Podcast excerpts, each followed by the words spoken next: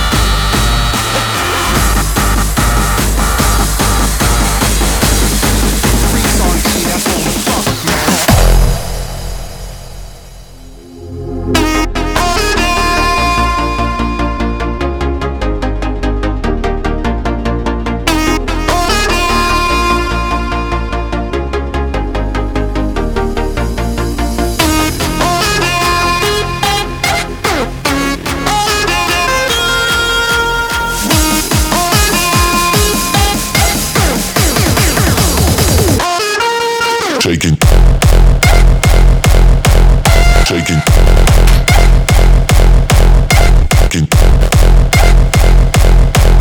Shaking.